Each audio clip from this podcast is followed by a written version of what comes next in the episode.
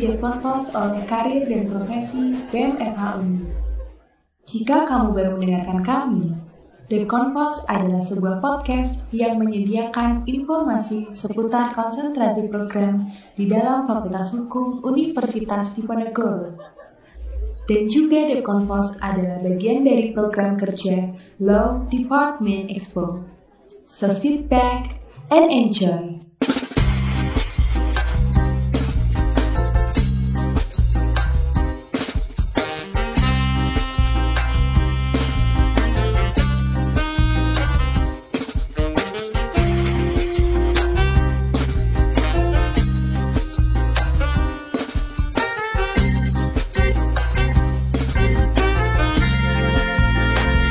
Halo, selamat pagi, siang, sore, malam, kapan pun dan di mana pun kalian berada. Halo pelopor, selamat mendengarkan Depon Post. Perkenalkan, aku Noval dan hari ini aku nggak sendirian nih teman-teman, karena aku ditemani oleh Rara. Halo Rara. Halo semua, aku Rara. Hari ini kita mau ngapain sih, Ra? Hari ini kita bakalan mengupas tuntas jurusan yang keren banget nih Pak. Sama orang yang paham banget loh mengenai jurusan hukum bisnis. Wah, keren banget Ra, siapa tuh? Kenalin, hari ini kita bersama Bang Fernanda Abed, selaku Ketua Himpunan HIS. Halo. Halo, selamat siang Bang. Ya, siang. Halo, Rara Noval. Halo, makasih nih Bang Fernanda udah menyediakan Oke, waktunya. aku yang makasih. Nah, oke, mumpung udah ada Bang Fernanda nih bersama kita, langsung aja kali ya. Kita kepo-kepo tentang jurusan peminatan hukum bisnis. Nah, karena pendengar kita ini dari mana-mana, dan mungkin masih banyak yang awam juga dan belum paham mengenai hukum bisnis, mungkin bisa dijelasin dulu nih Bang, apa sih hukum bisnis itu? Oke, eh, aku izin jelasin ya. Jadi eh, pada umumnya hukum bisnis itu adalah hukum yang mengatur terkait eh, aktivitas perdagangan, terus eh, industrial maupun keuangan yang dihubungkan dengan eh, pertukaran barang atau jasa yang di mana usaha tadi ini tuh untuk mendapatkan keuntungan intinya seperti itu kurang lebih. Oke, terus Bang, Oke, jadi kalau di hukum bisnis sendiri, eh, untuk mata kuliah wajib itu ada empat mata kuliah wajib. Untuk mata kuliah wajibnya itu yang pertama ada kapital selekta hukum bisnis, lalu yang kedua itu ada hukum lembaga keuangan, terus ada laboratorium perancangan kontrak, terus yang terakhir dari mata kuliah eh, wajib itu ada hukum kepailitan. Itu ada eh, yang pertama hukum asuransi, lalu kedua ada hukum surat harga, yang ketiga ada hukum pasar modal, keempat ada hukum perlindungan konsumen, terus yang kelima itu ada hukum, nah terus untuk yang mata kuliah pilihan perdagangan luar negeri, yang keenam ada hukum lembaga pembiayaan, dan yang terakhir itu ada hukum transportasi. Nah nantinya itu eh, mahasiswa yang mengambil konsentrasi hukum bisnis itu untuk matkul wajib jelas harus mengambil empat-empatnya, dan untuk pilihan dari tujuh pilihan tadi itu harus mengambil dua pilihan gitu. Wah, banyak ya Bang, ternyata Bang. Nah, kalau dari mata kuliah tersebut, dosen-dosen yang mengajar di konsentrasi hukum, bis- hukum bisnis, Bang Fernanda hafal gak Bang? Mungkin dosen-dosen yang mengajar. eh, mungkin maaf kalau misalkan ada yang terlewat atau bagaimana, cuman sejauh yang aku tahu, jadi dosen dari konsentrasi hukum bisnis sendiri itu atau yang lebih eh, dulunya sering dikenal dengan hukum perdata dagang itu ada 9 staf pengajar atau 9 dosen, yang di mana salah satu di antara 9 staf pengajar atau dosen ini ada satu guru besar. Yang pertama itu ada Profesor Dr. Budi Santoso, lalu yang kedua itu ada Bapak Budi Harto, lalu yang ketiga itu ada Bapak Hendro, lalu eh, selanjutnya ada Pak Bagus. Bagus, nah itu untuk yang cowok-cowok. Nah yang cewek-cewek itu dosennya ada eh, yang pertama itu Bu Siti Mahmuda, terus ada Bu Rini Tami, ada Bu Paramita, ada Bu Sartikananda, terus juga ada Bu Irawati. Jadi sembilan kalau nggak salah itu total untuk hukum bisnis tuh. oke, Dari aku pribadi ya, iya Bang. Oke, kalau dari aku sendiri, kenapa aku ngambil konsentrasi hukum bisnis? Eh, kalau ditanya betulnya aku sebelum memilih konsentrasi hukum bisnis ini, apakah ada opsi opsi konsentrasi hukum lain? Ada. Cuman kenapa aku pada akhirnya menjatuhkan pilihan ke hukum bisnis adalah salah satu faktornya adalah karena aku untuk hukum aku mau ngambil eh, terkait hak kekayaan intelektual yang di mana haki atau hak kekayaan intelektual ini adalah bagian dari hukum bisnis gitu. Kalau dari aku pribadi seperti itu. Nah, waktu memilih hukum bisnis nih Bang, ada gak sih Bang kayak misalnya orang yang bilang kayak ngapain gitu ngambil hukum bisnis gitu misalnya, atau misalnya konsentrasi yang lain aja gitu Bang? mungkin nggak tahu sih mungkin teman-teman uh, angkatan 2018 19 dan seterusnya mungkin pernah dengar kayak oh kalau ikut jurusan A katanya ntar lulusnya cepet atau ikut jurusan B katanya ntar lama lulusnya. Menurutku sih itu lama atau cepetnya lulus itu tergantung pada individu masing-masing karena ketika mungkin uh, pengerjaan penulisan hukumnya sendiri dari individunya emang uh, tidak berjalan sebagaimana, sebagaimana mestinya progresnya ya tidak bakal sesuai yang diharapkan. Jadi urusan lama atau tidaknya lulus itu sebetulnya balik lagi ke individu masing-masing. Jadi nggak menurutku kalau ada omongan-omongan seperti itu ya hanya sekedar mitos belaka lah. Nah lalu nih bang setelah bang Fernanda memilih konsentrasi Mhm. hukum bisnis, pasti kan ada nih bang suka dan dukanya yang dirasakan. Nah mungkin boleh cerita nih bang suka dan dukanya selama berada di hukum Oke, bisnis. kalau suka duka ya, karena kebetulan aku menjatuhkan pilihan ke konsentrasi hukum bisnis ini terhitung itu berarti baru mulai semester 6 yang di mana itu uh, Februari tahun 2020 ini. Uh, kalau ditanya suka duka sih, sebetulnya uh, kalau aku pribadi enjoy-enjoy aja sih ngambil hukum bisnis karena emang dasarnya aku uh, udah emang tertarik duluan dan emang pengen untuk ngambil hukum bisnis ini karena alasan salah satunya penulisan hukumku tadi itu. Cuman kalau ditanya dukanya, ya seperti yang kita ketahui bersama kan eh, pandemi ini masih belum selesai dan emang dari dari semester semester sebelumnya aku kayak berharap ilmu yang maksimal. Jadi kayak emang pembelajaran tatap muka. Karena jujur sendiri jujur jujur aja kalau aku ngerasa dengan pembelajaran yang online ini kalau aku merasanya kayak kurang efektif aja gitu.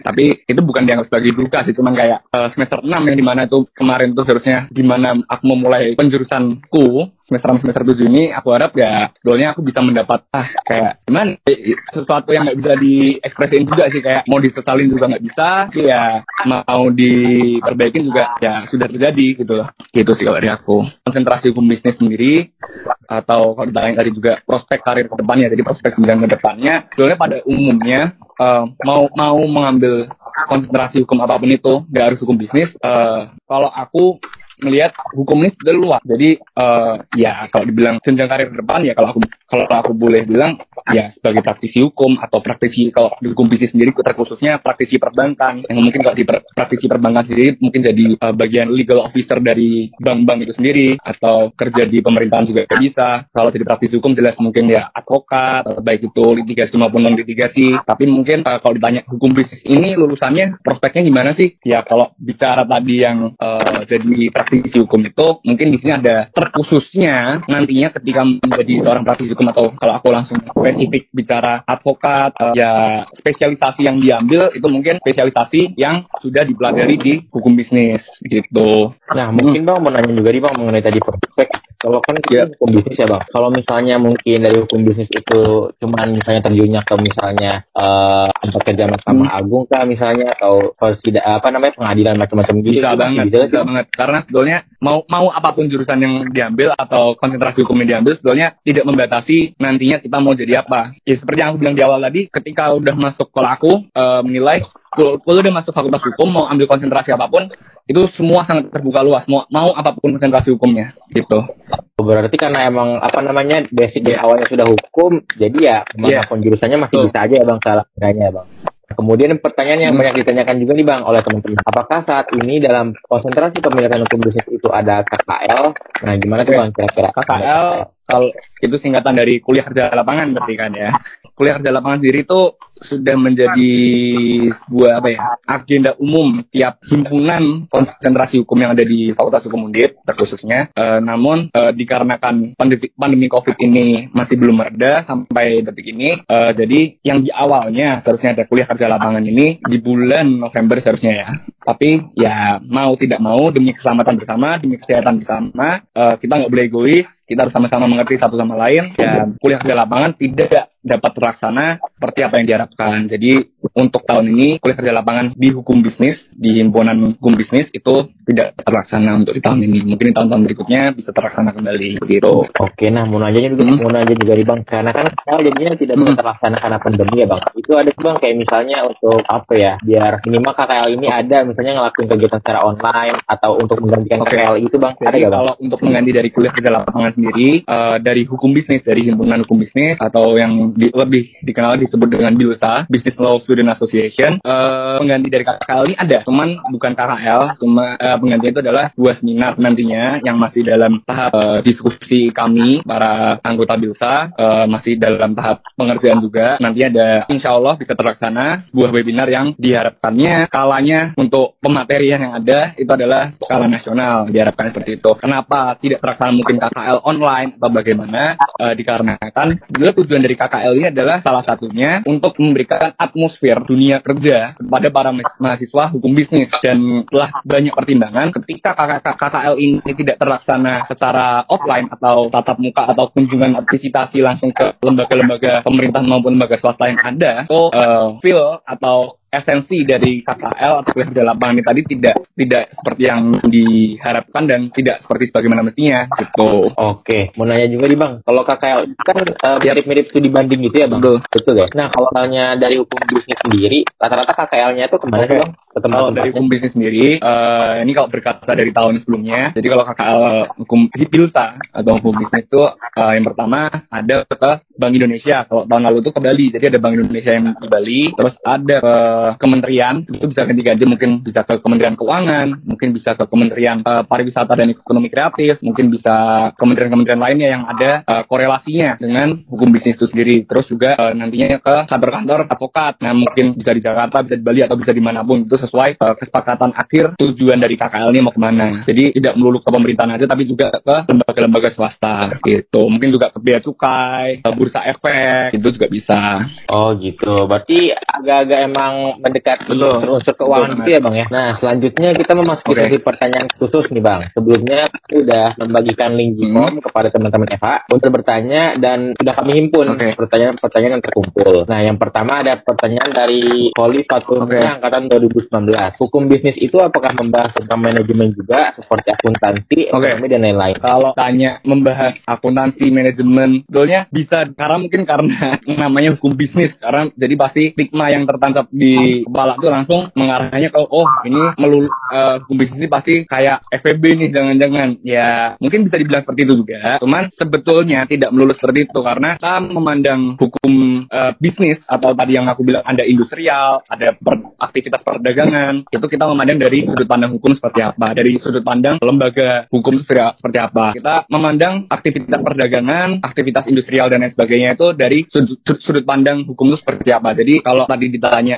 apakah ada terkait akuntansi atau manajemen itu ada mungkin ada di dalamnya tapi kita di sini cakupannya skupnya adalah dari hukum segi hukum gitu kalau Nah. kalau ditanya tempat magang yang cocok buat yang ngambil konsentrasi konsentrasi hukum bisnis betul ya Ah, untuk tempat magang sih sebenarnya eh, Iya. bebas mau teman-teman di mana cuman eh, kalau dari teman-teman aku mungkin eh, termasuk aku sendiri juga yang jelas untuk tempat magang ya ngambil tempat-tempat tuh yang sesuai dengan hukum bisnis kalau aku contoh aku kemarin magang itu di Kementerian Hukum dan HAM tapi aku eh, magangnya di Di- Direktorat Jenderal Kekayaan Intelektual. Jadi di DKI-nya yang di mana HAKI hak kekayaan intelektual tadi yang aku bilang itu sebagai bagian dari hukum bisnis ada juga teman aku yang mungkin magangnya di Bank Indonesia. Ada yang mungkin di bank entah itu bank BRI BNI dan lain sebagainya. Ada juga teman aku yang magangnya di Bursa Efek ada juga teman aku yang magangnya di kantor-kantor lawyer. Sebetulnya bisa di mana aja sih, cuman alangkah baiknya tempat magang nantinya itu adalah yang memang sesuai dengan konsentrasi hukum masing-masing, begitu. Oke, wah, nah ini yang pertanyaan ketiga nih bang dari Rediani Waruwu. Biasanya ambil peminatan hukum bisnis ini memang semuanya berminat memiliki bisnis sendiri nantinya, atau ada atau ada juga yang mengambil jurusan ini walaupun belum ada rencana berbisnis nantinya. Ini mungkin eh, persepsi yang harus dilurusin juga, karena ketika ngambil hukum bisnis itu tidak melulu nantinya lulusan dari yang ngambil konsentrasi hukum bisnis itu mau berbisnis, tidak selalu seperti itu. Ya mungkin ada yang memang niatan dari awalnya adalah oh udah lulus dari sini aku mau buka usaha, aku mau eh, berdagang dan lain sebagainya, aku mau eh, eh, berkecimpung di dunia perindustrian dan lain sebagainya Eh, itu bisa. Cuman sebetulnya tidak melulu soal aktivitas bisnis. Karena ini juga hukum hukum luas. Jadi hukum, hukum dan hukum bisnis ini itu nggak melulu soal eh, masalah aktivitas perdagangan ak- aktivitas industri. Lebih luas dari itu. Gitu. Oke, nah sekarang kita udah memasuki sesi yang terakhir nih bang sebagai pertanyaan penutup. Kira-kira apa aja sih yang perlu disiapkan dalam menentukan pemilihan konsentrasi? Mungkin boleh dibagi nih bang tips and trick dari bang oke Nanda kalau untuk teman-teman eh, semua. tips dari aku lah tips and trick dari aku eh, yang pertama pastiin dulu kalian mau ngambil konsentrasi hukum yang bersangkutan ini apa kenapa kalian mau ngambil apakah karena kalau contoh aku karena penulisan hukum yang aku ambil atau kalian ada prospek jauh di masa yang akan datang atau mungkin kalian hanya karena mendapat mitos-mitos yang aku bilang tadi, oh lulusnya cepat dan lain sebagainya, atau mungkin hanya ikut-ikutan temen, karena juga pada realitanya memang ada yang seperti itu dari teman-teman aku sendiri. Itu perlu dipastikan dulu kenapa teman-teman sekalian itu mau ngambil konsentrasi hukum yang ada, terutama hukum bisnis. Itu dipastiin dulu alasan kenapa teman-teman mau mengambil konsentrasi hukum yang bersangkutan, utamanya hukum bisnis ini apa? Dua, karena tadi aku nyebut masalah mitos, masalah ikut-ikutan teman, untuk pemilihan konsentrasi hukum yang ada, itu aku harap jangan sampai ikut-ikutan teman, jangan sampai